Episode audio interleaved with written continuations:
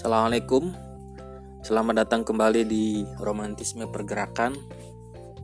Kali ini kita sudah di episode 7 Dan aku ingin membahas mengenai sesuatu yang baru-baru ini terlintas di pikiranku Dan sempat menjadi obrolanku dengan beberapa kawan-kawanku di pergerakan.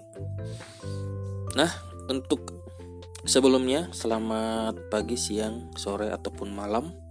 Semoga kawan-kawan pendengar, di mana pun pendengar berada, selalu dalam perlindungan Tuhan yang Maha Kuasa. Dan terima kasih karena sudah kembali mendengarkan ocehanku kali ini. Nah, aku ingin berbicara mengenai sesuatu yang baru-baru ini agak gimana ya mau dibilang mengganggu sih sebenarnya tidak terlalu mengganggu. Tapi aku pikir perlulah untuk diocehkan dan diberi sedikit perspektif. Nah sesuatu itu adalah tentang beberapa orang terutama dari apa yang aku lihat di pergerakan mengenai eh, tindakan-tindakan yang aku pikir merupakan suatu bentuk bangunan citra diri yang palsu. Nah, kenapa aku bilang palsu nanti aku jelasin. Sebelumnya aku melihat ini banyak terjadi pada sosok-sosok yang merupakan katakanlah di pergerakan-pergerakan itu sebagai seorang senior yang mana kita tahu di Indonesia ini aspek senioritas itu masih cukup kuat ya pegangan kebudayaannya sehingga di mana-mana itu senior itu memiliki peranan penting dalam penentuan apa yang terjadi pada juniornya. Kita ngeliat itu mulai dari SMP atau SMA sekolah menengah melalui ospek, osis dan lain sebagainya. Ya, kalau di SMP SMA bukan ospek, mos atau apalah dulu. Aduh, ketahuan deh itu angkatan Nah, di kampus kita tahu ospek dan lain sebagainya. Waduh, ketahuan lagi angkatan. Intinya dari kegiatan-kegiatan itu termasuk juga KKN, PKL atau semacamnya dan bahkan juga di organisasi intra ataupun ekstra dan bahkan di mana-mana sehingga di partai politik kita mengenal dikotomi senior dan junior termasuk juga mengenal istilah hmm, istilahnya senior itu bisa dikatakan lebih baik lebih pinter karena ya mereka duluan dan lebih berpengalaman. Nah senioritas ini kemudian akhirnya ngerasa atau bukan ngerasa melahirkan sesuatu yang menurutku merupakan keahlian atau kecakapan, tapi sebenarnya kering, esen kering dari esensi yang bermakna.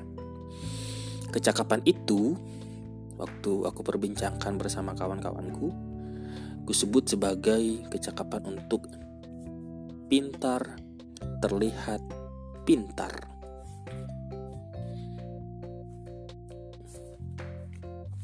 Nah, bagaimanakah seseorang itu bisa pintar terlihat pintar? Nah, maksudku begini.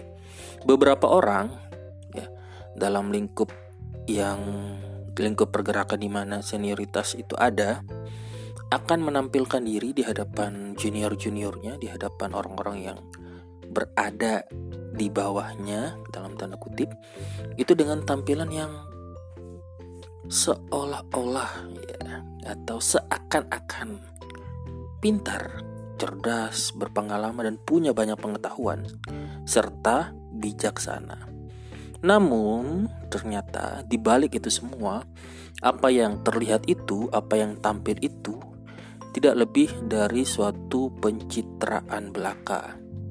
Kenapa aku bisa mengatakan seperti ini? Ya, karena dalam pengalamanku dari orang-orang yang aku temui, terutama dalam pelatihan-pelatihan, aku melihat penampilan berbagai orang yang tampil ke depan ke hadapan forum menyampaikan berbagai macam hal dan tentu saja mungkin bukan tentu saja tentu saja juga orang-orang yang turut e, mengelola pelatihan-pelatihan itu beberapa orang tampil ke depan dan memukau banyak orang dengan keahlian dia dalam terlihat pintar itu. Tapi ketika aku berinteraksi dengannya secara lebih personal, secara lebih dalam dan secara lebih hmm, detil lagi, aku melihat bahwa ternyata akalnya itu dangkal, ya, kebijaksanaannya itu payah dan wawasannya itu sangat sempit. Nah, tapi kemudian dia bisa menampilkan suatu yang seolah-olah dalam, luas, dan memukau, membuat orang silau. Hmm, ini cukup membuatku tercengang sih, kayak semacam heran gitu. Bisa ya ternyata beberapa orang menampilkan suatu bentuk keahlian semacam ini.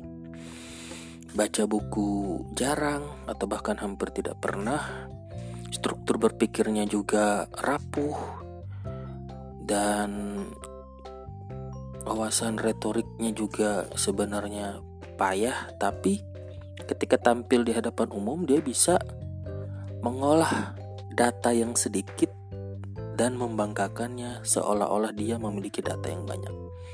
Misalkan contoh untuk menampilkan bahwa dirinya itu membaca atau mengetahui suatu bentuk teori tertentu dia akan menyebutkan nama pengarang beserta karangan atau bukunya dan kutipan dari buku tersebut lengkap bahkan kadang-kadang dengan nomor halamannya. Tapi tahu tidak bahwa ternyata dia tidak pernah selesai atau benar-benar selesai membaca buku itu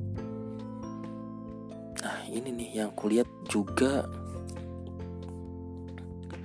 Jadi ada beberapa orang yang memang membaca buku untuk Kenapa aku berkesimpulan bahwa dia belum membaca bukunya? Pertama Aku emang tahu dia belum baca. Aku pernah tanya secara langsung kepada beberapa orang Kamu udah baca buku ini?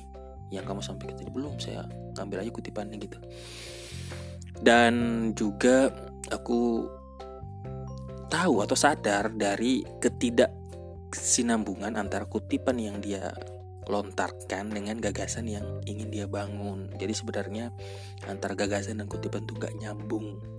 Tapi dia tidak sadar dan celaka dan bodohnya lagi orang-orang yang mendengarkannya pun tidak sadar karena terpukau dengan tampilannya yang terlihat pintar itu. Memang secara penampilan meyakinkan dengan tampilan yang tampak sebagai seorang terpelajar atau seorang intelek. Nah, begitulah. Lantas eh, bagaimana? Aku melihat bahwa pintar terlihat pintar ini memang suatu kecakapan yang dimiliki beberapa orang dan semacam kelihayan politis tertentu sih kayak semacam apa ya. Kita juga ngelihat misalkan kalau kita nonton acara kayak Indonesia Liars Club atau talk show talk show kayak, kayak begitu kita melihat ternyata banyak juga memang. Banyak politisi-politisi pejabat-pejabat kita yang sebenarnya otaknya kosong. Otaknya kosong tapi bisa gitu bisa merangkai atau gimana ya menggali bukan menggali maksudnya menampilkan hal-hal yang kayak kita bilang uh tapi ketika kita menggunakan akal untuk menguji apa yang orang-orang itu sampaikan atau kerangka berpikir yang dia tawarkan serta gagasan yang dia ajukan kita bisa eh kok gini ya? Kok nggak nyambung ya? Kok banyak falasi di mana-mana ya? Atau banyak ketergelinciran berpikir di mana-mana ya Nah, itu. Tapi kenapa sedikit banget orang yang menyadari dan kenapa para junior-junior ini bisa terpukau pada senior-senior mereka yang pintar terlihat pintar ini? Kalau menurutku sih karena memang juniornya juga tidak punya kebiasaan berpikir yang sehat gitu tidak punya tradisi berpikir yang hmm, gimana? Rasional ya sehingga untuk mencari akar dari suatu permasalahan yang disampaikan atau memahami konsep berpikir itu dia eh, tidak mampu sehingga terpukau dengan tampilan kayak misalkan banyak kutipan gitu kan banyak kata-kata bombastis banyak slogan-slogan gitu. Ya sama ini sih yang menyampaikan si senior ini itu jarang baca cuman banyak lihat kutipan dan para pendengarnya pun para juniornya ini tadi senior senior mereka dan para juniornya ini sama juga jarang baca juga jadi gimana Nah, barangkali yang satu pinter terlihat pinter, sedangkan yang mendengarkannya itu orang-orang bodoh yang nggak tahu kalau mereka itu bodoh. Orang yang tidak tahu kalau mereka itu tidak tahu. Ini suatu persoalan lagi, tapi ya itu nanti aja.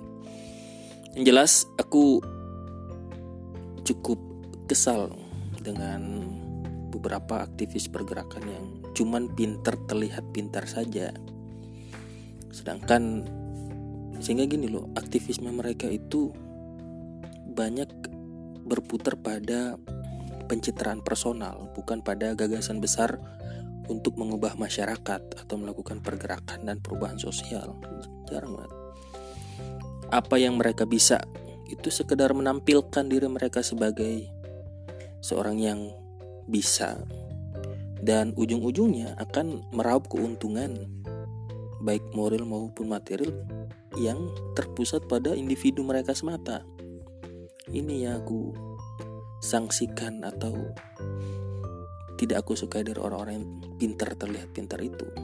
Nah, bagiku eh, seorang terpelajar sebenarnya itu adalah seorang yang punya bacaan yang banyak, bagus, dan baik, sehingga terbiasa dia memahami pikiran orang lain dan juga punya tradisi menulis yang kuat, tidak mesti menulis di luar, bisa juga menulis di dalam, menulis catatan sehingga dia juga memahami pikirannya dengan baik. Nah, orang yang memahami pikiran atau gagasan orang lain dengan baik dan juga memahami gagasannya sendiri dengan baik, menurutku adalah seorang aktivis pergerakan yang ideal gitu sehingga tindakan-tindakannya itu lahir dari idealisme yang kokoh dan bisa membawa perubahan positif bagi masyarakat tidak sekedar berteriak-teriak dengan slogan-slogan yang kosong dan hampa akan makna dan juga tidak oportunistik atau pragmatis dalam memperjuangkan sesuatu yang mana ketika dia menerima keuntungan pribadi dari perjuangannya atau diiming-imingi dengan sesuatu yang bersifat material untuk menghentikan perjuangannya dia tidak akan mudah tergiur atau menyerah. Nah, orang-orang yang pintar terlihat pintar ini pada sisi lain akan kita temukan bahwa mereka juga mudah terbuai oleh hal-hal yang meruntuhkan hal-hal material yang membuat mereka mundur dari pergerakan mereka. Baik, saya pikir sekian yang bisa kuocehkan untuk siang. Enggak belum sih di sini masih pagi. Sampai jumpa di romantisme pergerakan episode selanjutnya. Kalau ada benarnya silahkan di ambil kalau ada salahnya silahkan dibuang kalau ada yang perlu didiskusikan silahkan hubungi saya di twitter at Rajiv Romantik dan kita bisa berdiskusi dengan lebih bebas di sana terima kasih selamat menunaikan segala macam apa yang kawan-kawan tunaikan dan sampai jumpa. Assalamualaikum. thank you